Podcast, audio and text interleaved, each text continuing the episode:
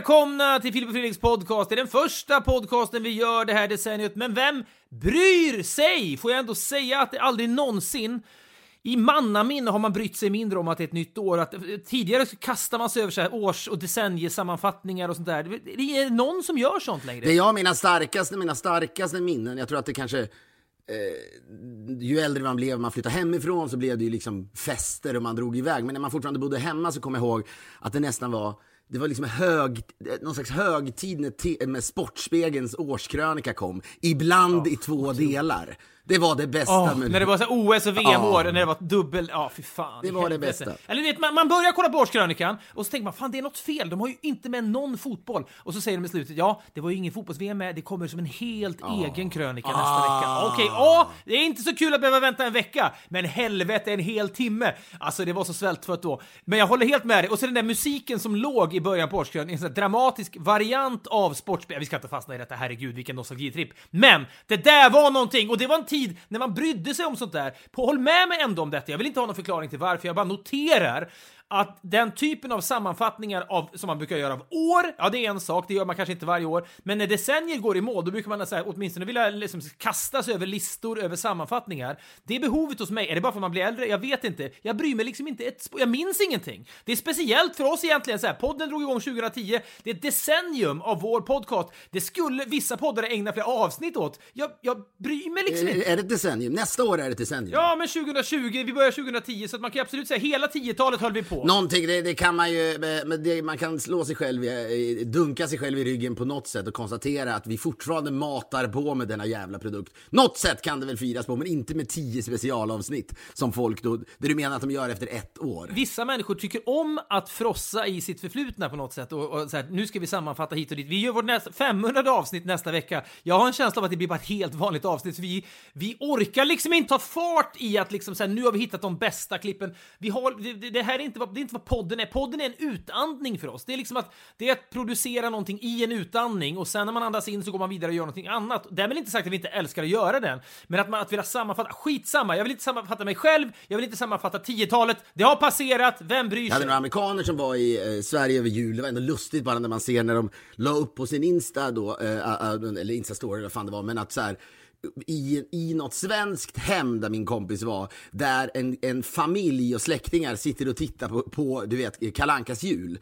Och man säger this is apparently a tradition in Sweden. Det är ju Ibland när man så här, ser bilder på vet, Papua Nya Guinea eh, eh, människor, höll jag på att säga, de som bor ute i skogen och det snackas väl om att det finns, eller djungeln, det snackas om att det finns enda stället på jorden det finns kannibaler, det är väl tveksamt, men du vet. De har strut på kuken etc. Ja, mycket kört genom näsan och allt det så här. Då tänker man, vi, helvete vilka sjuka traditioner det där är de har inom den där kulturen. Du är långt från en liksom pil genom kuken och går runt naken hemma på Odenplan. Ja, det får man säga. Fredrik har konverterat till Papua, Papua Guinan. Det borde, det, spårats. Men det är liksom på den nivån, tror jag, för amerikaner när de ser folk titta på liksom Disney på det sättet. Ja, men jag tror så här, jag tror att det här har ju sannoliken tjatats. Jag vet att amerikanska sajten Slate varje år skriver en artikel om the Swedish weird tradition of watching Donald Duck och så ska svenskar länka till den. Så det är ju sannoliken en kliché att tala om hur märklig den traditionen är, men jag skulle snarare rikta parallellen blir sannare om man tänker ett nordkoreanskt beteende än ett Papua Nya Guineas. Det känns som att man sitter och tillber någon slags statsmakt när man sitter och tittar på, eller Walt Disney eller vad det nu är, medan Papua Nya Guineanerna eller vad de nu kallas, de är ju mer fria själar som fly, flyter omkring. De kanske förenas kring vissa riter då. Här ska spjutet genom kuken. Det här är ju en rit Jo, någonstans. ja, ja, absolut, men det, det är en massmedial rit ändå. Miljoner Men vad det är i och för sig är ju liksom den sista, sista, eh, eh, på något sätt, anakronismen eller, eller den sista så här, scenografin från ett reglerat Sverige. Det är en sista anakronism från ett, liksom, koreograferat folkhem-Sverige på något sätt, svältfödd på liksom intryck utifrån. Här kommer Kalle julafton. Men jag tycker att det är mer, när jag ser de gråtande nordkoreanerna som då gråter i synk till att någon ledare har gått bort, så gråter de i tusental. Det är för mig lika weird som att de miljoner svenskar bänkar sig för detta, även om jag också gör det med mina barn etc. Helvete vad man hade respekterat om du vet så här. Ja, det stod i tidningen att en ny SVT-chef börjar efter, du vet, efter, efter jul och att den människan vågar avskaffa Kalle Ankas julafton. Jag skulle ändå, jag skulle stötta den människan in kul. till min död. Robert Aschberg, ny chef för SVT. Nu får det räcka, ärligt talat, det här gynnar ingen. Nu tar vi bara bort det, får vi se hur dåligt ni kommer att må. Och sen bara skita i alla reaktioner, du vet. För den, den människan, det ja, skulle ju absolut få, få dödshot och så vidare. Det blir, det blir någon slags Ja. liksom, ny, ny Zlatan-staty. Roligaste vore ju också om, om chefen gör sig onåbar. Robert Aschberg är tyvärr på Seychellerna, dit han har flugit eh, då och kommer inte att kunna besvara några som helst klagomål, men han hälsar att beslutet står fast. Istället bara du vet, lägger, lägger, ut bilder, lägger ut bilder på en solstol och skriver Gott nytt år och sånt där. Äntligen har jag börjat ta bra beslut igen. och så ligger där, du vet, solbränd och så pissar ett helt land i ansiktet. Men jag tror nästan att det skulle vara viktigt för Sverige. På något, så här, att, att någon, att, så här, det hade, alltså jag tror att det hade varit en av de mest omtumlande besked den svenska befolkningen skulle kunna få någonsin. Jag läste någon sån här bok om Sverige under andra världskriget som Henrik Berggren, inte sångaren i Broder Daniel. Han är, det känns inte som han är kapabel att skriva en bok om Sverige under andra världskriget. Det här är då en ledarskribent på DN, tror jag, eller vad han nu är. Han har skrivit en bok om Palme och så vidare. Han, skrev då, han ska skriva en tri, tri, trilogi om Sverige under andra världskriget, vad som hände då. Om det skulle skrivas en sån skildring av Sverige 2020-talet, vad var det som hände 2020 när, när, plötsligt, när det plötsligt vände? När Sverige fick en sån jävla fart plötsligt? Ra, raket sköt i höjden på BNP och all, du vet så här. Ja, men det var ju det året de tog bort Kalanka. Folk var tvungna att se om sina liv och liksom se om sina värderingar och liksom ta i från tårna, ställa sig i startblocken. Nu kör vi på Men nytt. jag tror också att alltså, även, det skulle få en starkare reaktion än om monarkin avskaffades. Jag, jag är nästan helt övertygad om det, för folk, här, folk, ju, folk skulle ju bli dumma i huvudet av det där. Det skulle bli då en masspsykos. Om jag hade jobbat på en, en betting-sajt och hade sagt vad avskaffas först? Kungahuset eller Kalanka på julafton? Det är en jättebra fråga, för det finns inget givet svar på Nej, jag tror att svaret är givet. Jag tror att kungahuset avskaffas först. Du vet, här, det finns nästan ingenting som gör folk så lobotomerat. Du vet, så här. Ja, men jag vill inte skjuta, skjuta över skulden på, på någon slags anonym massa här, fyra miljoner svenskar som kollar. Jag gör ju också det varje år med mina barn. De, det är en, kl- en klassisk klyscha också att de vill inte titta på det lika mycket som jag, men jag trycker ner dem i sina stolar. Nu är pappa närvarande, nu ska vi knäcka nötter och kolla på Kalanka. Njut nu för fan! Jag känner mig som Peter Haber i någon Sune-film. Ja, men, men det är ändå så att du tillhör ju klicken som hade mått... Du hade ju, du hade ju mått riktigt bra om du hade läst pressmeddelandet att Kalankas julafton läggs ner. Ja, ja, ja, men jag säger ju det, det hade varit otroligt. Jag måste säga Jättekul. att det hade varit det mest vågade beslutet. Den människan som gör det måste ju liksom adlas direkt. Problemet med det förstås är ju att den kostar, det där kostar SVT väldigt, väldigt lite. Det är en sak att avskaffa Mello, för det, det har blivit för dyrt. Vi har inte råd med det här, hur mycket sponsorer vi än tar in. Vi kan inte göra det här. Det här kostar ju inte SVT någonting. Det samlar 3,5 miljoner människor. Nej, men det är ju inte, jo men det är ju inte det, utan jag menar att det, vi pratade någon gång när vi gjorde ett tv-program som hette Ursäkta röran. För TV4 så gjorde vi, då kallade vi det ett wake-up call för ett slumrande u-land eller något sånt, sånt ja, kanske, Det är ja. ju det det här skulle vara. Jag skit, alltså så här, chefen måste ju vara eh, så på något sätt progressiv så tänker ja ja, de där 3,5 miljonerna, vi är ändå statlig television, det spelar ingen roll. Kostnaden är ju, den är ju bara, det spelar, det spelar ju heller ingen roll. De, det, det har de råd med att köra om de vill. Utan en, en människa som säger att det är dags för Sverige att liksom få en rejäl kollektiv käftsmäll. En näs, en näsbränna. Att det- Ja men vet du vad det är likt? Ja, vet det vad det är likt? kul att en SVT-chef, en nytillträdd SVT-chef, känner någon slags självpåtaget tvång att dela ut en käftsmäll till svenskarna. Det är ju inte det som de andra nytillträdda SVT-cheferna gör. De vill liksom så här luba in sig själva, att allting ska bli eh, seamless och det ska bli en, en smooth övergång, mycket anglicismer nu. Men det är det som nytillträdda SVT-chefer vill. Det här är ju en människa som kommer från ett helt annat håll då. Nu jävlar ska ni få se på fan! Jag tar på mig det här uppdraget att väcka Ja men du vet, att sitta, när jag sitter i något, eh, något, sånt här eh, styrelserum och alla liksom blir likbleka när den här mannen, mannen eller kvinnan säger det här. Och sen då, att, att, att verkligen vara så här generös, den här SVT-chefen. Jag tar all skit, skyll på mig. att någon säger så här, det här är ett beslut som är taget helt på egen hand, säger, all, säger styrelsen i övrigt. Vi har ingenting med detta att göra. Och som sagt, Robert Aschberg kan inte nås för kommentarerna. Han är på Seychellerna i ett hotell som kostar 15 000 natt. Han känns för gammal på något sätt. Det borde, det, så här, det borde vara en ung människa som har bott i USA, refererar inte till mig själv, men någon som är, du Nej, vet så här, det här funkar inte, jag, jag har just flyttat hem från utlandet. Någon Johan har- Renck, Johan Renck kommer hem efter Tjernobyl. Han vill göra saker som betyder någonting. Ja, det, han är det perfekta namnet. Han, han hade fått fly landet. Här flyr Nej, Johan men Johan Renck, Renck, han flyr inte någonting. Han skulle kunna ha ställt sig utanför och liksom ta emot klagomål om han ville, men han har ju en semester inplanerad på Seychellerna. Han måste bara åka. Det är inget problem. Men ni kan tyvärr inte nå mig. Jag tror att Johan Renck sitter obrydd och käkar middag på P- restaurang PA och Company samma, samma dag som det här har kommit ut. Tror jag. Han känner, Absolut. Jaså? Nej, men han är ju inte aningslös. Han förstår ju att det kommer bli en skitstorm. Men han, han säger så här, det här är en skitstorm som är viktig att ta. Jag är beredd att göra det här jobbet. Ni kommer att tacka mig om 50 år. Tro mig, när jag väcker er från slummen. Vilken slummer? Exakt! Ja, men det, men, och jag, jag vet inte, man skulle kunna då argumentera och säga varför ska inte traditioner få behållas? Så, vänta, jag måste ha tanken. När, under presskonferensen när Johan Renck tillkännager det. Har han kjol på sig? Har kjol, han har en säkerhetsnål i örat och han har en hatt på sig och så håller han i sin Emmy som han vann för Tjernobyl. Så håller han den och så håller han talet kanske på engelska om han vill. Exakt, håller det på engelska också. Det, det skulle, det, det, han skulle bli, han skulle, när var det Axel från Fashion blev stenad till döds? Jag måste ändå kolla det. Jag tror att det var sent, sent 1700-tal. Jag tror att han var väl involverad på något sätt med Marie Antoinette. Kanske. Det känns som att det franska revolutionen hit och dit så här. Han blev då lynchad till döds på Stockholms gator cirka 1792. 1810. Ja, Okej, 1810. Ja, men han höll, sig, höll i sig några år. Ja, men sen fick han en, en gruesome death, som det heter på westernspråk. Där. Det var liksom, han slä, släpades över liksom Gamla stans kullerstenar tills det inte fanns någonting kvar av honom, typ. Då var han väl stendöd. Johan Renck, ja, är han i Sverige, då får han väl då stålsätta sig för. Ja, men vet du, jag tror också att det, det här, nu, är det, ju- nu fantiserar vi loss som vi alltid gör. Men jag tror på riktigt att, det, att han skulle kunna stenas till döds. Och jag skämtar inte nu. Jag tror att om Johan Renck då, säg att det liksom står 200 pers utanför restaurang, eh, eh, utanför en restaurang PA och company. Du vet så här, Mauro Scocco sitter där inne och konverserar någon, någon, någon ung skådespelare där inne eller något så här, Theo samtidigt. Company är också känd för, vilket gör det hela ännu värre, känd för att man inte kan boka bord utan det är bara stammisar och liksom kulturella eliten som får bord där. Det är där Johan Renck håller hus Det dessutom. som skulle hända då, om det plötsligt en säger vi släpar ut honom.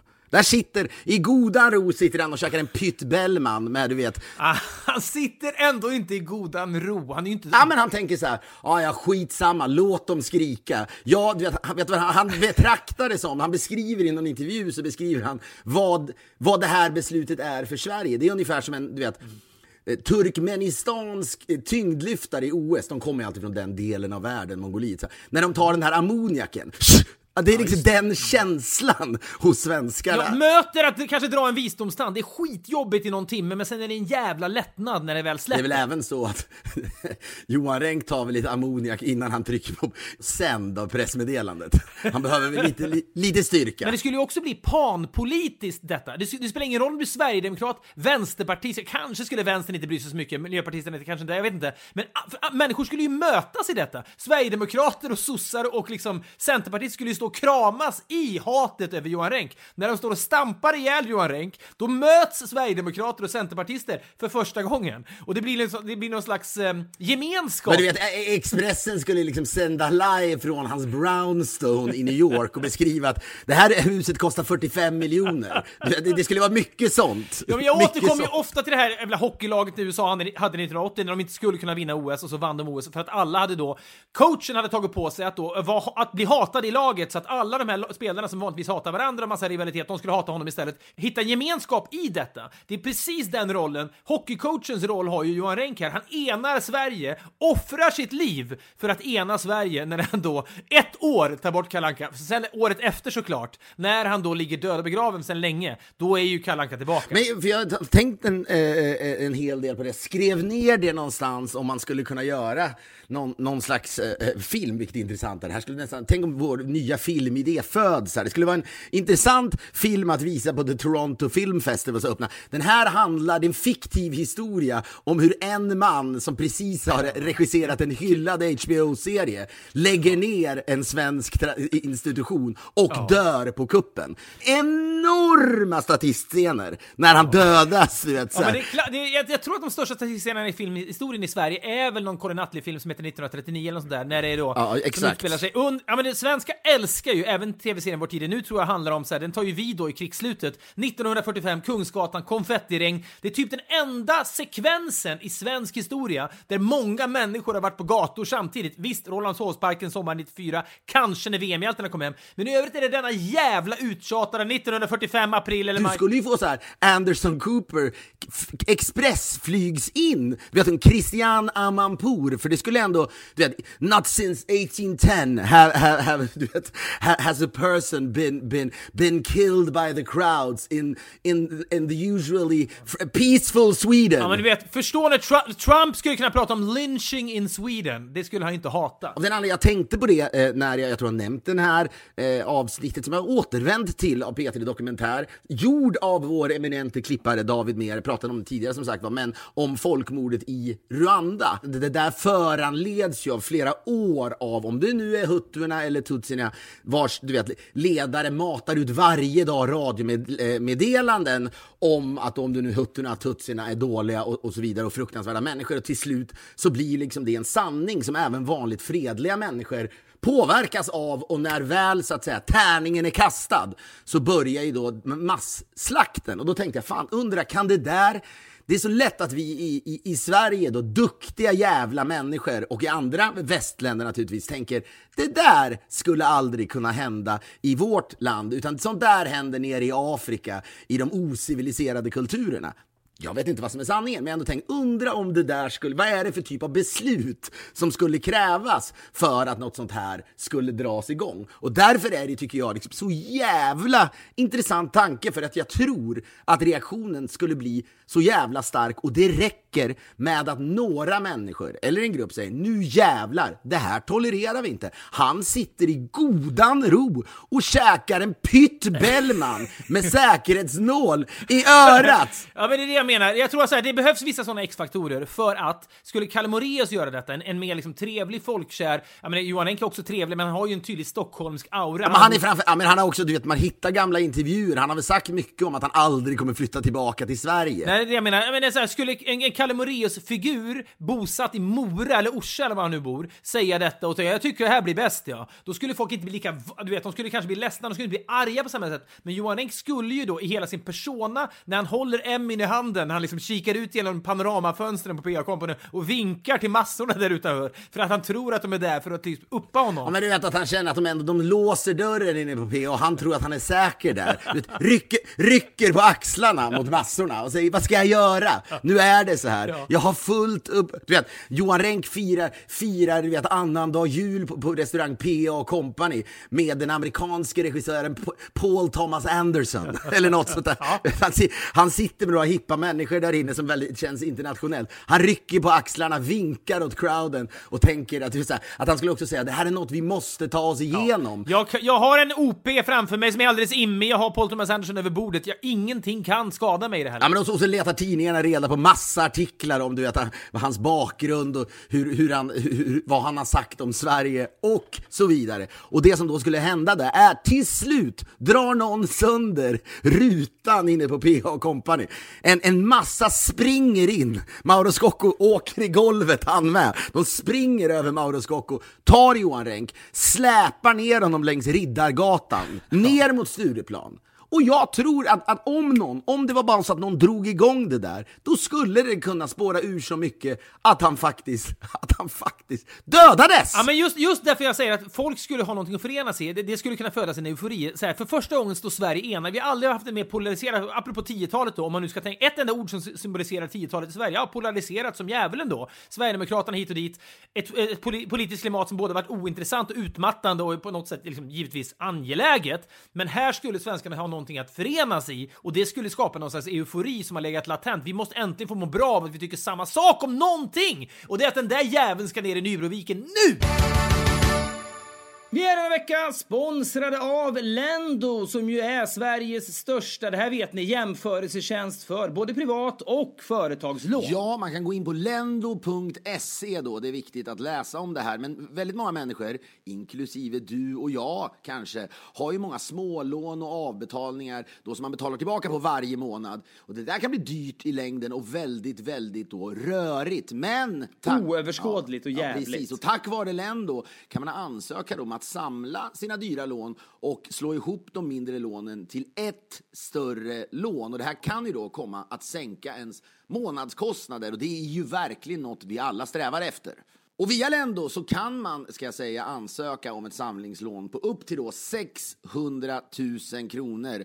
Med eh, då, får man då, om man ansöker om det här, kan man få erbjudanden från upp till 35 banker för att få de bästa villkoren. Ja, men det som är speciellt just nu då, just nu så bjuder ju då Lendo eh, på banker och långivares uppläggningsavgift. Det här är upp till ett värde av 995 kronor. När man tecknar sitt samlingslån via Lendo så går du i lånetankar överhuvudtaget, vad än handlar om, börja alltid på lendo.se. Vi säger stort tack till Lendo.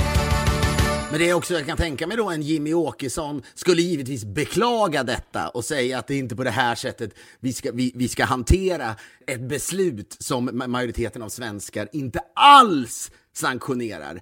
Men, men han skulle ändå säga någonting, men, men det är förståeligt. Vi måste förstå folks reaktioner. Och däremot skulle jag också säga, det här är skattebetalarnas pengar. Johan Renck har inte betalat skatt i Sverige på 20 år. Det, det hade han påpekat. Hans Brownstone kostar 45 miljoner. Det är klart att det provocerar att hans långsamma serie också om Tjernobyl, det provocerar, även detta provocerar. Var det bara jag som tyckte den var långsam? Faktumet att han castade en så pass deprimerad skådespelare som Emily Watson provocerar svenskarna. Ja, det, det kan låta hårt nu va, men lägg på saker. It adds up va. Du har Emily Watson och är deprimerad. Du har, sen har du den där, han som spelar huvudrollen som också var med i Mad Men. Man blir ledsen bara man ser honom.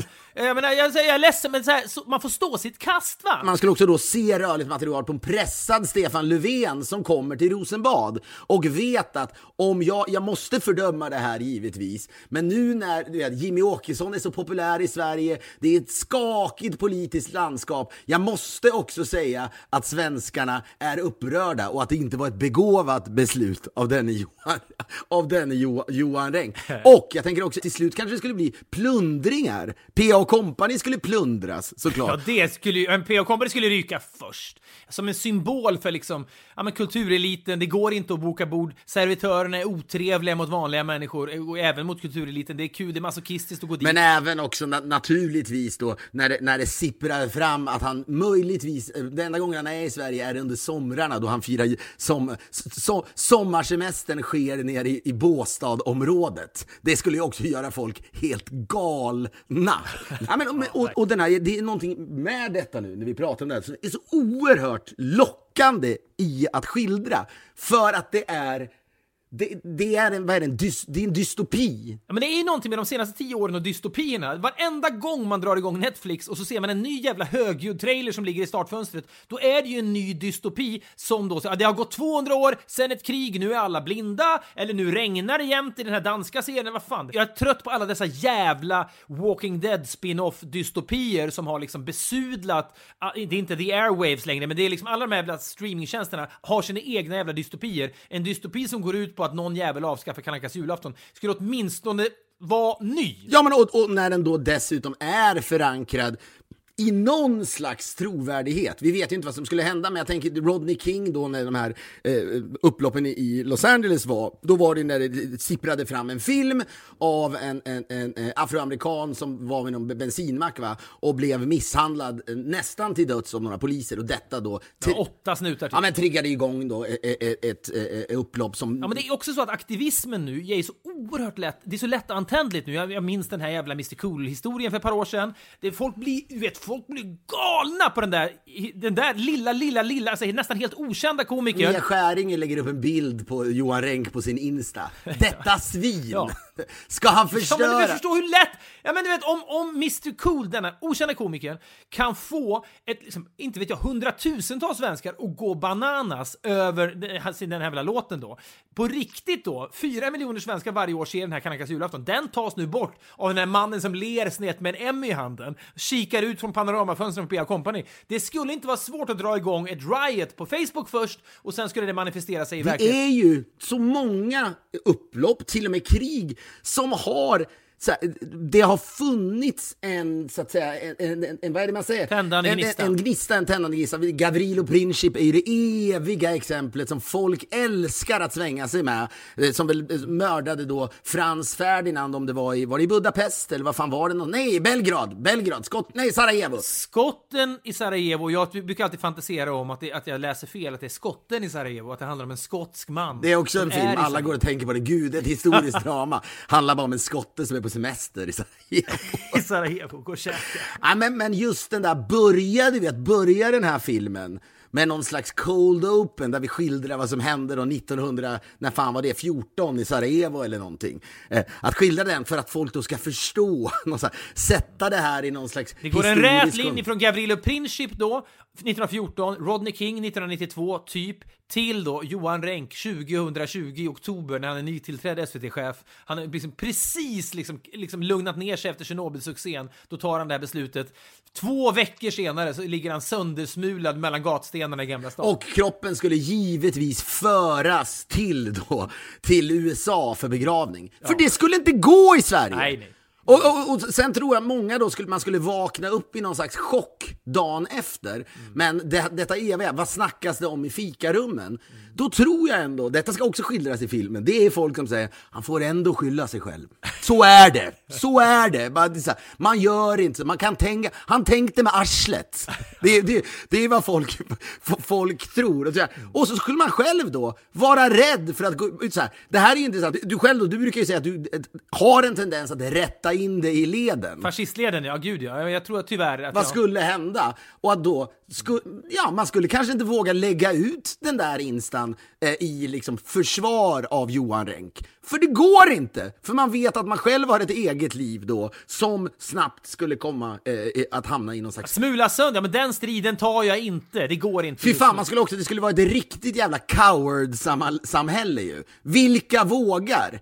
Och det är så här, då måste man dra från landet först. Men just där, den, den här, som jag tror ändå, vad som sker i situationen. Vi är denna vecka sponsrade av Finnair och vi pratade i förra veckan om klass och service, något man verkligen uppskattar när man flyger och det får man ju då hos Finnair. Låt oss Fredrik lyfta fram Finnairs app som underlättar resandet redan från bokningen. Den fyller ju då i all info automatiskt när man bokar. Perfekt och när man reser mycket och det första du ser i appen det är check-in. Kanske det viktigaste då innan resan. Sen har du dina digitala boardingkort i mobilen och behöver du addera en väska, välja säte eller kanske ändra något i bokningen så gör du det i appen och slipper kontakta kundservice. Man kan bara föreställa sig vilken tid man sitter i de här telefonköerna. Det här är enkelt, smidigt och tidseffektivt. De är otroligt duktiga på att hela tiden förbättra upplevelsen under resan. Vi säger därför stort tack till Finnair! Vi är denna vecka sponsrade av Blocket och låt oss, kan verka lite dystopiskt men tycker ändå det funkar, prata om dödsbädden.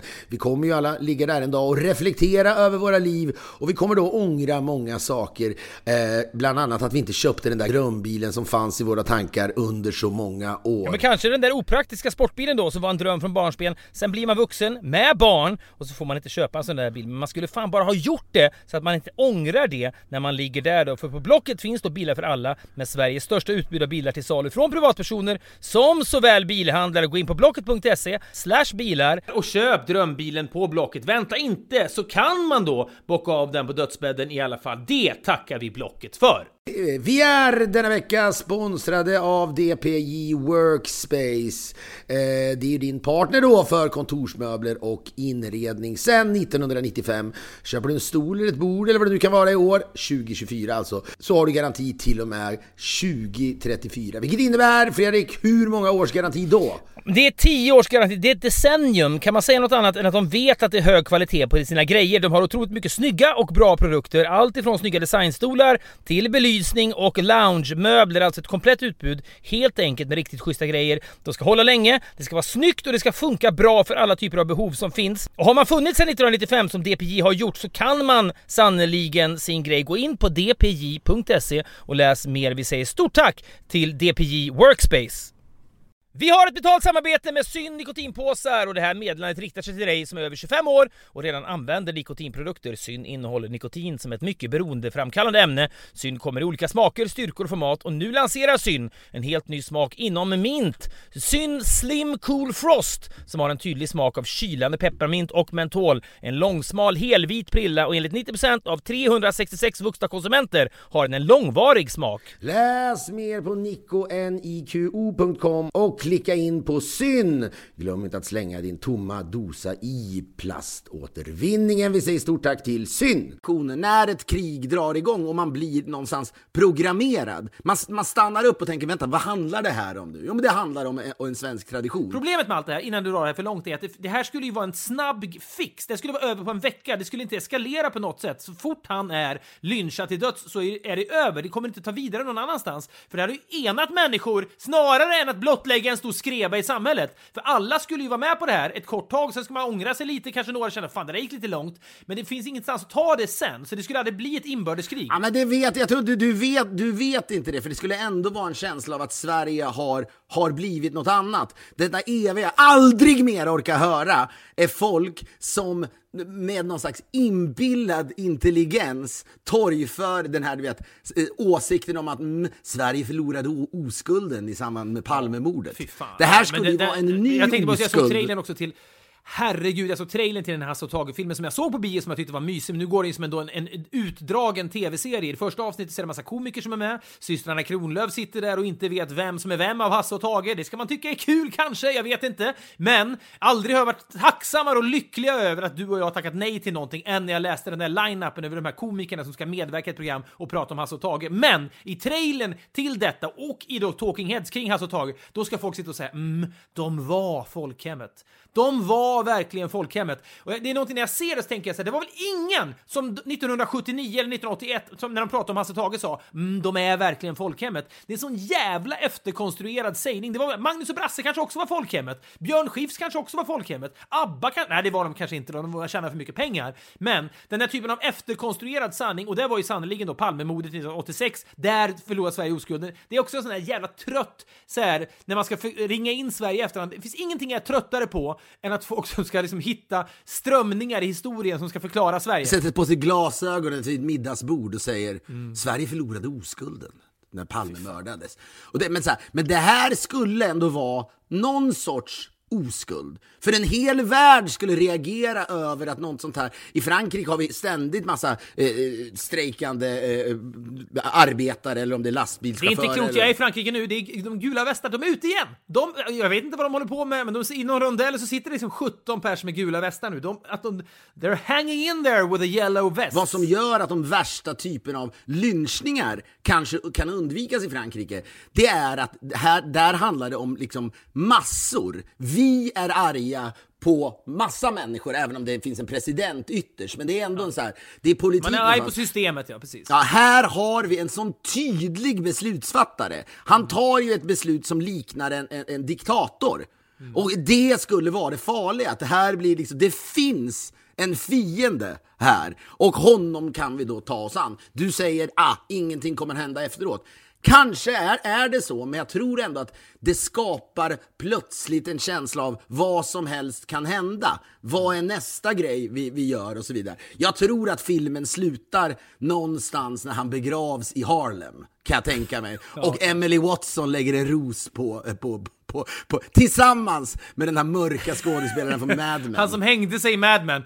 Han och Emily Watson lägger varsin ros på graven och, så, så, och sen så går de iväg och så spelas, så, kanske spelas Here We Go Again av Stakaburo. Nej, det gör, det gör det ju inte som du förstår. Det är något mycket mer komplicerat. Den här sista Bowie-låten som är helt nattsvart. Som, som, ja, som, Som Johan Renck regisserar ja. Ja exakt, Dark Star tror jag Ja, den, den spelas på slutet. Ja, det, jag vet inte, jag tänkte nu bara då.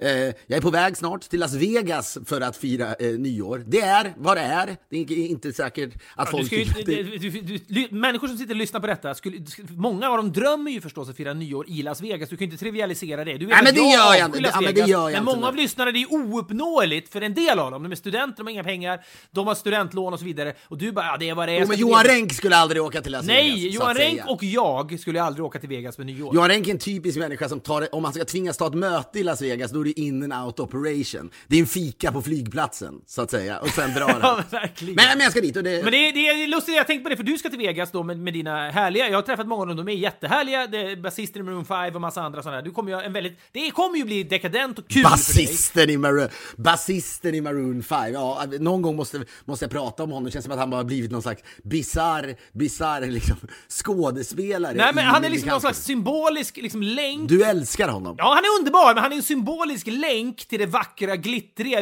LA som du då känner. Och han är länken till det, därför nämner vi ofta honom, för det är han du känner. Så ibland då kan hans kontakter och tentakler belöna sig med att du springer in i Sting någonstans för att han är med. Så han är ju viktig för dig och han är också underbar. Ja, han är, han är också en av mina när, Han är inte bara viktig, han är också en av mina närmsta vänner. På riktigt är Ja, men jag säger ju det, ja! Men, Men, de, jag säger bara att du kommer ha det här härliga, dekadenta nyårsfirandet i Las Vegas och när lyssnarna nås av det här avsnittet, då har ju det redan skett. Vi spelar in det här på måndagskvällen tror jag det är, va? Dagarna blir som en jävla dimma i mellandagarna, men så tror jag att det är. Medan jag då, raka motsatsen till detta är att jag har, och detta är, kommer du verka som koketteri, men jag, min stora behållning med nyåret 2019 är att jag har börjat på nytt uppskatta kortspelet Uno. Och jag, jag måste väl ändå säga att det är en tvärparallell till ditt du gillar att paketera dig själv på det sättet. Nej, tvärtom. Det väntade här är ju att vara en sån där farsa som, ja, så sitter man med ungarna, så tar de fram Uno-kortleken och så är det så, ja, så lider man igenom det, så tar man lite whisky i smyg. och. Detta utspelar sig också i en villa på den franska rivieran så att säga. Det är också ouppnåeligt. Det jag vill bara säga här är att när mina barn på Arlanda sa kan vi inte köpa ett Uno-spel så tänkte jag ja, måtte jag inte bli indragen i det. Jag har vaga minnen av Uno från barndomen att det kändes jävligt tråkigt. Men det härliga är att det är så jävla kul. Alltså jag, jag längtar redan. Har du spelat Uno på sistone? Det är, no, det är en av de bästa uppfinningarna. Det är inte klokt vad kul. Ja men okej, och det, är det, eh, det kan jag köpa, men jag vill bara säga att bara för man slänger in en kortlek i ett hus på Rivieran så blir ju inte, blir inte huset och upplevelsen på Rivieran tillgänglig och uppnåelig, så att säga. Det är ändå viktigt. Nej, det säger, jag säger bara att det, det är en kontrast. När jag sitter och liksom njuter av att tilldela min yngsta dotter fyra extra kort i Uno och du samtidigt står med någon liksom MDMA-svamlande människa i Las Vegas, då är vi långt ifrån varandra. Men det är också kul tycker jag att vi ändå är så nära varandra. En kompis till mig från Belgien som är med var, bemässade mig glatt igår och sa att han har införskaffat en a very mild LSD-spray.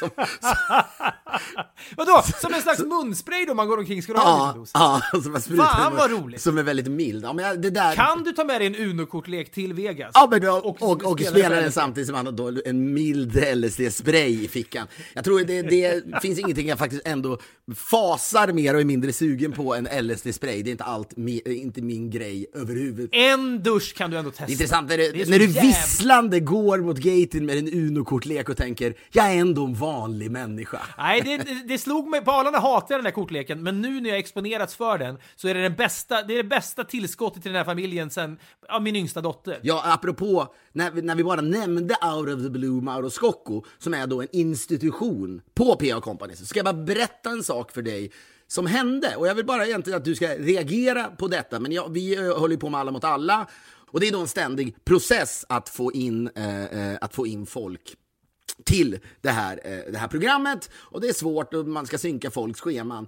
Men överlag är ju, är ju folk väldigt, och det tycker jag är härligt nu när vi är inne i en andra säsong, väldigt glada och det är ingen som liksom skrattar åt vår förfrågan. Ja, men det är kul tycker jag när man har gjort ett program som folk tycks uppskatta eh, och vi tackar ju alla er som hör av er och tycker att det är kul också. Det kommer, säsong tre drar igång i mitten på januari, tror jag. Vi har ju spelat in ett gäng avsnitt redan. Känns väldigt, väldigt kul. Många nya moment, massa nya härliga tävlanden. Och det har varit lättare att få med folk också just för att de har sett programmet. Ja, men det där verkar ju kul. Det där vill man fan vara med i. Så att det, det har ju varit jävligt Och sen är det då, då att Mauro Scocco är ju då känd för att vara väldigt vältalig o, i, i vissa kretsar. För vissa människor är det ju ouppnåeligt att få inside information om Mauro Scocco. Det är kul att det, det, det, är en, det är en, en subtle shade. Det är en subtil diss du levererar mot Mauro Scocco och hela kotteriet runt honom när du säger att i vissa kretsar är han betraktad som typ vältalig. Men, men för människor som har viss insyn i vad vältalighet kan konstitueras av, då är det kanske inte så starkt ändå. Men Mauro Scocco sitter ju där som sagt var, ständigt och han är, har då rykte om sig att vara rolig och vältalig och herregud, jag har träffat honom massa gånger. Du har också gjort det och vi har festat med honom. Han är jävligt rolig och eh, är således en jävla perfekt deltagare för det här programmet. Han är, väl, han är visst, han är en perfekt deltagare i det här programmet, men han är ju också typ känd för, på ett sätt skulle man kunna säga att Mauro Scocco de senaste tio åren är mest känd för att han ständigt tackar nej till Så mycket bättre. Och att TV4 drömmer om att han ska vara med för att han har en jävla då, eh, låtskatt med sig. Han har skrivit Himlen runt hörnet, alla de här liksom enorma hitsen. Och han är då känd för att han alltid tackar nej. Det är det mest relevanta med honom de senaste tio åren, om man ska, det, är, det är lite skämtsamt givetvis. Han ger ju alltid ut musik och så vidare, han turnerar med Thomas Andersson Vi och sådär. Men det som han, det talas mest om är att han gång på gång tackar nej till fantasisummor som 3 miljoner har det snackats om. Han vägrar konsekvent vara med i Så mycket bättre. Så att säga, i den stora Henrik Berggren-biografin, tre band om Mauro Scocco, så kommer han då slå fast att efter liksom 10 år eller 15 år efter superhitten Sara, som väl var, ska vi säga, det var väl hans andra period av superstjärnestatus. Den första var när han var väldigt ung med Ratata då, som hans grupp hette. Sen kom Sara och så menar du då att den tredje delen, när han då är över 50 år, det är att han, det är ju väldigt intressant ändå, att han har rykte om sig att ständigt tacka nej till Så mycket bättre. Ja, men i, hans dödsruna så att säga då, tre saker han känd för. Ratata och det, två av oss kanske de hade, var det dem? Eller jag kommer inte ihåg vad Ratatas största hit var. Så länge Sen- vi har varann Så länge vi har varandra, Jackie. givetvis. Under, fantastisk låt. Sen kommer Sara, fantastisk låt. Och sen kommer en lång period när han då är omtalad för att tacka nej till TV4. Så Ja, men och det skänker ju honom då en är av, av någon slags så här, integritet och värdighet. Nej, nej, nej, nej, nej. Ni kan inte, liksom, jag tänker inte bli nedmald i, det där populisti, i den där populistiska kvarnen. Ja, men man skulle väl kunna hävda, i, vi har ju på många sätt bedrövligt årtionde bakom oss med folk som då är med i allt, för artister kan inte tjäna pengar genom att sälja skivor längre. Spotify, I don't know hur mycket pengar de tjänar på det. Det är lite turnéer här och där. Men artister tjänar ju pengar genom att vara med i tv-program. Så att han inte gör det skulle ju somliga hävda är berömvärt nästan, för han går mot Ja, strömmen. men och det tror jag väl, jag menar, det kanske man själv har tänkt i ärlighetens namn. Och jag, jag tänkte bara på det här med, med kändisar som tackar nej. Det var väl av alla kändisar som oväntat nog tackat ja till någonting. Det måste ändå vara när Johnny Rotten då, eh, sångare eh, i eh, Sex Pistols när det begav sig, var med i brittiska Big Brother tror jag. Någon slags kändis-Big Brother. Det, jag, tror det, att han, jag tror att han var med i programmet... Celebrity Get Me Out of Here kanske Ja, hette, som var kändisdjungeln på svenska. Ja. Men det är ändå otroligt! En av världens, kanske genom tiderna mest inflytelserika artister skakade om en hel värld nästan med det Men han det gjorde är, lika, det är lika omskakande som när Claes Elfsberg under sittande så här, så här, nyhetsankarperiod, han är fortfarande aktiv, så tackar han ja till att vara med i tv-programmet Maestro som går ut på att kända människor ska lära sig bli dirigenter. Det var också jätte Ja, jätteöverraskande. men det fanns någonting, det var något så politiskt, alltså Johnny Rotten har betytt så jävla mycket och han har liksom fuck the system eh, eh, över allt han har gjort. Och så, kanske, men då kanske det är fuck the system att vara med i Celebrity Get Me Out of Here. Det kanske så... Men båda fallen, Claes Elfsberg, Maestro och Johnny Rotten i det där programmet visar att man kan, det finns inga dåliga samtal att ringa om man är castare till de här programmen. Det är alltid bara att ringa och det är det, så resonerar vi, när vi gör Alla mot alla. Man kan ju ringa vem fan som helst, man vet aldrig vem som tackar ja. Jag ska säga också, när jag tänker på eh, Mauro Scoccos katalog, när det har varit jul nu så eh, hade jag någon jävla julplaylist på här hemma. Du får tycka vad du vill om det, jag orkar inte höra din kommentar om det, men den rullar. Men jag kan väl notera att du uttalar det playlist. Det är väl allt jag har. Mer än så orkar jag. Nej, okej, jag förstår det. Men där då, eh, plötsligt så, så börjar då eh, Mauro Scocco-låten eh, Julkort från New York spelas. Och det, är ju, det har väl blivit lite av en, en, en klassiker då. Eh, lite av en klassiker ska sägas. Eh, men, men den handlar då om hur han, eh, det är något slags uppbrott och han åker till New York och han sjunger om att han bor på Hudson Hotel där vi har bott. Och den låten den rullar på, han köper ett par nya skor, han åker ner till Soho och hamnar i någon, någon bråk nere på en, någon bar där nere. Det här är en Wikipedia-entry om låten Vykort från New York plötsligt. Ja, men jag tror e- efter att den här spelades i mitt hus så lyssnade jag den på en tio gånger i bilen också. För jag är så fascinerad av en, så att säga, en episod i den här låten. Jag kan se det framför mig. Jag kan se att du sitter i bilen. Fan, det måste ju ha hänt någonting med Mauro. Du, du är ju på, du tårna kring honom. nu. Nej men det ska jag komma till, jag måste bara säga den här episoden då. I låten, den här York, som kanske är Som vi då avslutar, som vi givetvis avslutar den här podden med.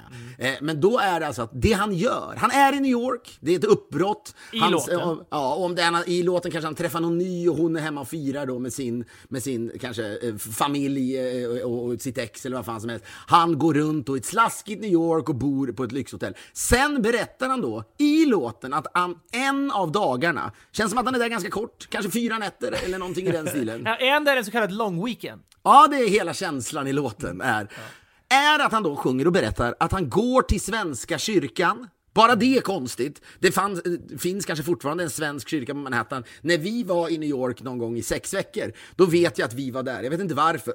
Om vi hade något ärende där. Eller om det var så att vi var unga och det fanns rykte om att svenska au pairer hängde där. Så kan det ha varit. kanske, Ja. ja, men han går då, han, han går till Svenska kyrkan. Det, det är överraskande i sig när man bara är där på en lång weekend. Eller hur?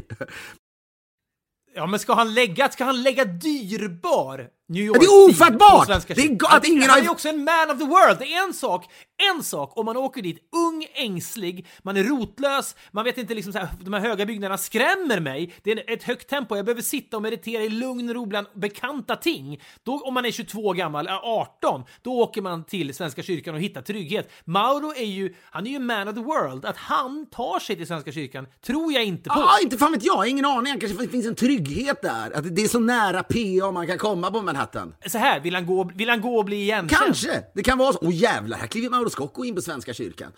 Men det är ju överraskande i sig. Men vad som sker strax efter, vad han sjunger om det efter, är ju det mest galna som har skrivits. Och jag fattar inte att någon inte har tagit upp det här tidigare. Jag tror ingen har tagit upp det. Han går till Svenska kyrkan och läser DN på stan. Hur sjukt är det? Han är fyra dagar. Han är fyra dagar på Manhattan och han går dit och sätter sig och läser DN på stan. Det är ju helt, det, alltså det är ju helt jävla bananas. DN på stan finns ju inte längre. Det var ju då en bilaga som DN gav ut på fredagar för där man då fick reda på vad som hände i Stockholm. Populärkultur, vad här. Ja, men det var väl lite skivrecensioner. Det var väl också, nu spelar liksom, eh, vad ska man, typisk artist som spelar på PJ Harvey, spelar på Kägelbanan, skulle det kunna vara en liten Ja, notis så som en blänkare. o, alltså, så, någon, någon slags ovinklad pressmeddelande journalistik. Ja, men vad heter, vad heter den där typen? Ed, vad heter han? Ed Harcourt spelar på Södra Teatern. Typisk eh, notis som skulle kunna stå i DN på stan. Ja, och sen nå- några alldeles för långa krönikor av Fredrik Strage och sånt där. Men, men det är det så jävla överraskande att detta sker. Jag, nå, nå, det, jag, jag, skulle vilja att han kommenterar detta, men med tanke på vad jag ska säga nu så är risken stor att han inte kommer kommentera detta. Men vi har då slängt ut massa trådar till folk som vi vill ska vara med Alla mot alla. Och i vissa fall då så slänger du och jag ut de här, eh, de här förfrågningarna eftersom vi kanske har en relation till människor. Exempelvis, Fredrik, ja, du messar Felix Herngren och frågar om han ska vara Ja, med. du kanske, du, om, du, om vi hade gjort en internationell edition av detta hade du messat basisten i Maroon, Maroon 5 och frågat honom. Du kanske inte platsar, men kan sångaren åtminstone? Ja, jag skulle verkligen säga det. Han hade ju inte platsat. Men då skriver då, jag skriver till Mauro Scocco väldigt vänligt. Min vän! Filip Hammar här, bla bla bla, hoppas allt är fint. Jävla fina låtar du har skrivit. Och, och, och så vidare. Och sen säger jag, ska inte du vara med och tävla i nästa säsong av vår, om jag får säga det själv, jävligt roliga och begåvade frågesport? Ja, jag tycker det är, det är okej att ställa den frågan. Finns ju inget i det som är Man måste, men med tanke på Johnny Rotten-exemplet och Claes Elfsberg Maestro så kan du ställa frågan. Och sen kommer hej på dig, tack för de vänliga orden och allt, men frågesport är inte min grej riktigt. Sens gärna över en bägare när det kommer till stan. Ja, men det är ju helt okej. Eh, och så fortsätter jag tjata. I det, läget du, I det läget kan du ju inte vara arg. Absolut, och jag är inte arg sen heller vill jag poängtera. Vad fan, vi gillar också Mauro. Man måste, få, man måste få prata om folk och vara lite hård på något sätt tycker jag. Eh, Och sen skriver jag ändå tillbaka då, för jag vill ändå tjata. Fan, frågesport är ju din grej, skriver jag. Kom igen nu, folk älskar dig. Du är rolig och smart och kommer göra bra ifrån dig, skriver jag då. va? Älskar när du kämpar för programmet. Det är... eh, Och så skriver jag alla som är med älskar att vara med. På riktigt, för så har jag upplevt det. Då skriver han tillbaka. Jag ser en rubrik här. Nytt stycke. Citat. Skockos hårda besked till alla mot alla. Aftonbladet har sökt Filip Hammar för en ko- kommentar. Och, och, eh, ja, och det han då säger där är att, att, att, det skulle bli, att det skulle bli en artikel då i tidningen om han tackar nej till alla mot alla. Så långt så, ja, du vet, jag rycker på axlarna som Renk gör inne på PA Company. när, när, när liksom... När lynchmobben står Ja, utanför. det är inte ja. Och sen fortsätter jag tjata, men jag tycker ändå inte han kan bli arg, vi har en bra ton. Snälla, kom igen. Det finns inget för, förlorat på detta, bara bra och kul. Och då skriver han så här. 100 lax, svart och bärs, mitt sista bud, skriver han. Oj, ja, okej. Ja, och jag rycker Men till. mitt sista Så- bud, det är också hans första bud. Ja, så är det. det, kan man, om man nu ska nagelfara detta. Men här får jag då känslan, här skriver han, okej, han är med under vissa, med vissa då villkor. Jag eh, inser att vi inte kommer kunna ge honom 100 lax svart, men jag har honom på kroken här. Så jag skriver, En förhoppning väcks. kan vi snacka en snabbis vad det lider? Är du en telefonkompatibel människa? Frågetecken. Inte om det gäller frågesport, svarar han. Gäller det barhäng? Anytime, sailor. Men så skriver jag, eh, men du menar det du skrev om frågesporten? Att, att, att han, han, han vill vara vara med då? Och då skriver han, jag driver mannen. Och så skriver jag, okej. Och då skriver... Vad arg du Ja, blir då skriver jag okej punkt. Omöjligt att förstå. Där är jag ju lite irriterad. Och då skriver han Ja, tillbaka. verkligen. jag skojade med dig, eh, jag, jag skojade med dig alltså. Eh, skriver han då. Och, och när det här sker, då, det, det som ändå är fascinerande för mig och som skakar om min tillvaro lite grann, det är ju att, vad fan, tyck, eh, i en anda av du säger att han är känd för att ha tackat nej till Så mycket bättre. Jag tänker, är det så att Mauro Scocco har blivit en one trick pony? Har det här blivit liksom, han inser att det här är säljbart. Han inser att det här kommer ta stor plats i, hans, i, i Henrik Berggrens biografi om honom. Att så här, Mauro Scocco blev på äldre dagar känd för att han tackade nej till mycket grejer. Och Mauro tänker, det här är ett, smart career move. Ja, men det, det, som, det som är någonting här och det som jag antar väcker irritation hos dig. Ja, visst fan, finns hos väcker- mig också, Ja. är ju att han, det är så sensationellt osannolikt att han skulle vara med i vårt jävla kanal 5-program så att det, det, det säger sig självt att han driver mannen. För varför, varför i helvete skulle han vara med i något sånt? Ja, och vi klarar oss utan Mauro Scocco. Han behöver inte vara med i det här programmet. Det är okej att han driver med oss också. Vi driver med honom i det här sammanhanget eller analyserar honom, vad fan det nu är. Men det är någonting som är, var så golv... Jag var liksom inte beredd på att en människa då, och Mauro Scocco, tycker att... Du vet, inte ens Johan Renck skulle svarat så här. Han hade svarat, nej jag, jag kan inte det och det känns inte rätt och så vidare. Men att han då ska lura mig att tro att, att han ska vara med och sen ska jag svara då glä, glatt tillbaka och sen ska jag få då den här käftsmällen av honom. Hjärtlig, med hjärtliga omklädningsrums käft, käftsmällen då från honom. Du vet, eh, hård men hjärtlig ton. Så här, jag förstår ju, alltså, jag, jag är lika snarstucken som du är och många som lyssnar på detta skulle ju sitta och tänka herregud, ni sitter väl och delar ut käftsmällar till höger och vänster, ni får väl tåla en del. Och herregud, Ja, det får vi! sant. Vi får Men jag förstår, supertåla. dig till 100 procent. Jag förstår förstår det till 100% bara för att tanken är att det vi gör är by definition så mycket lägre ner i hans värld och så mycket smutsigare och kanal 5 och kommersiellt att han skulle kliva ner från sin PA Company piedestal och vara med hos oss är så osannolikt att det, att det tycks självklart att han driver. Det kan störa mig lite grann för det är underhållning på olika plan.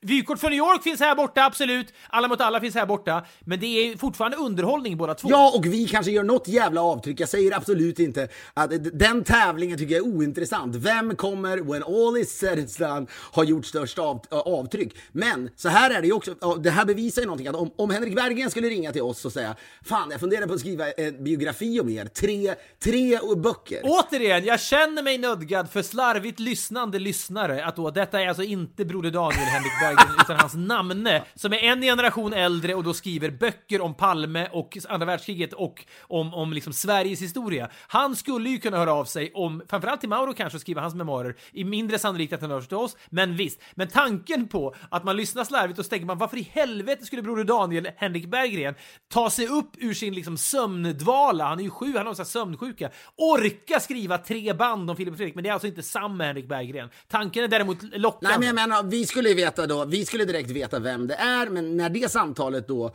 har kommit och man lägger på luren, då skulle ju både du och jag säga det där var ett skämt. För vi tänker ändå att det är fan helt orimligt att det skrivs en biografi om oss. Vi skulle skratta gott, vi skulle skämta om att tänk om vi har tackat ja. Och sen hade man då blivit en driftkucku på ng.se, Nöjesguidens då, eh, den här Stockholms, eh, Stockholms, ja det är väl liksom DN Ja, men det på var, ju, det var ju någon som, som busringde till någon irländsk författare och då sa grattis, du har fått Nobelpriset. Det här var ju Ja, fy fan vad det var, jag tyckte synd om den mannen. fruktansvärt. I 40 jävla- minuter trodde den här irländska författaren då att han hade vunnit Som är en bra författare, det är det som är det. Ja, men han är sannerligen så här, en kandidat. Han skulle kunna vinna. Så i 40 minuter så går han ändå och visslar där hemma och tänker det är inte klokt, jag har vunnit Nobelpriset. Hinner ringa runt till släktingar kanske och sen nås han då av nyheten. Nej, nej, men det är ju då någon Olga som har vunnit ena och så är det den där Handke då som är så jävla provocerande för många. Jag har inte läst honom, men som har vunnit och han inser okej, jag var helt enkelt lurad. Det är ju en sån raffinerad lurning vi skulle kunna gå på då. Nöjesguiden spelar in samtalet. Hej, jag heter Henrik Berggren. Jag tror jag pratar skånska i det här sammanhanget. Jag vet inte om man gör det på riktigt, men det gör han i det här busringningssamtalet. Vill ni? Jag vill skriva en bok om er och så hör man Filip Hammar glatt från Los Angeles. Ja, men vad kul! Ja, men vi tar väl, vi ses väl över en bärs när jag kommer hem nästa gång och så kan vi börja snacka om det. Så det här samtalet spelas in och sen börjar det valsa runt. Här tycker Filip Hammar att det är rimligt att Henrik Berggren skriver sin nästa bok om honom och Men jag tror som sagt var inte att vi skulle reagera på det sättet utan vi skulle direkt ana ugglor i mossen. Däremot skulle ju Mauro Scocco, om man fick det samtalet,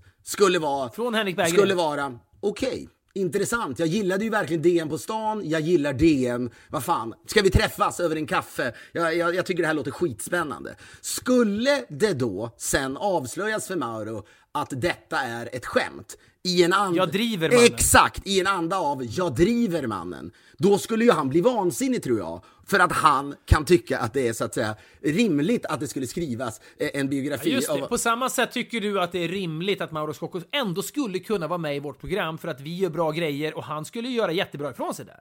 Det är inte, det är inte, det är inte super farfetched. Hade han bara skrivit så här, vet du vad, jag tycker ert program är ganska tramsigt och dåligt, jag vill inte vara med.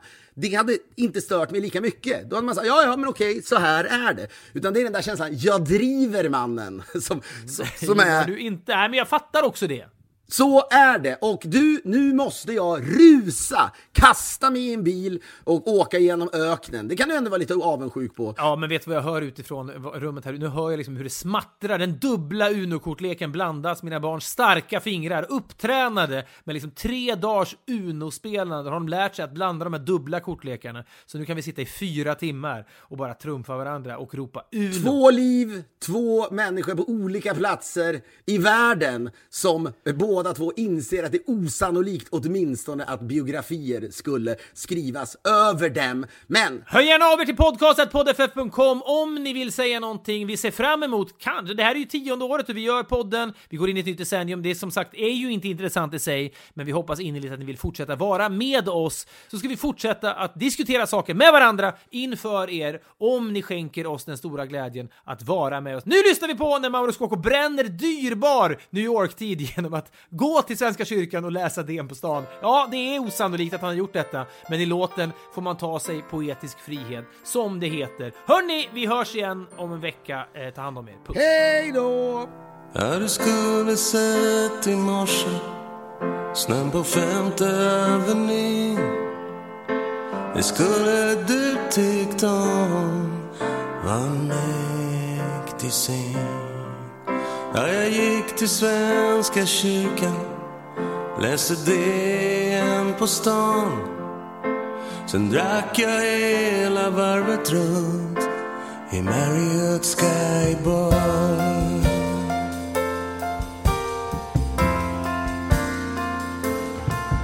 Och jag bor uppe på Hudson i en liten kostar 300 dollar natten. Här kan man tala om ett rån. Jag var ute hela natten tills jag hamnade i något bråk. På Lucky Strike nere i Soho. Här är ett julkort från New York.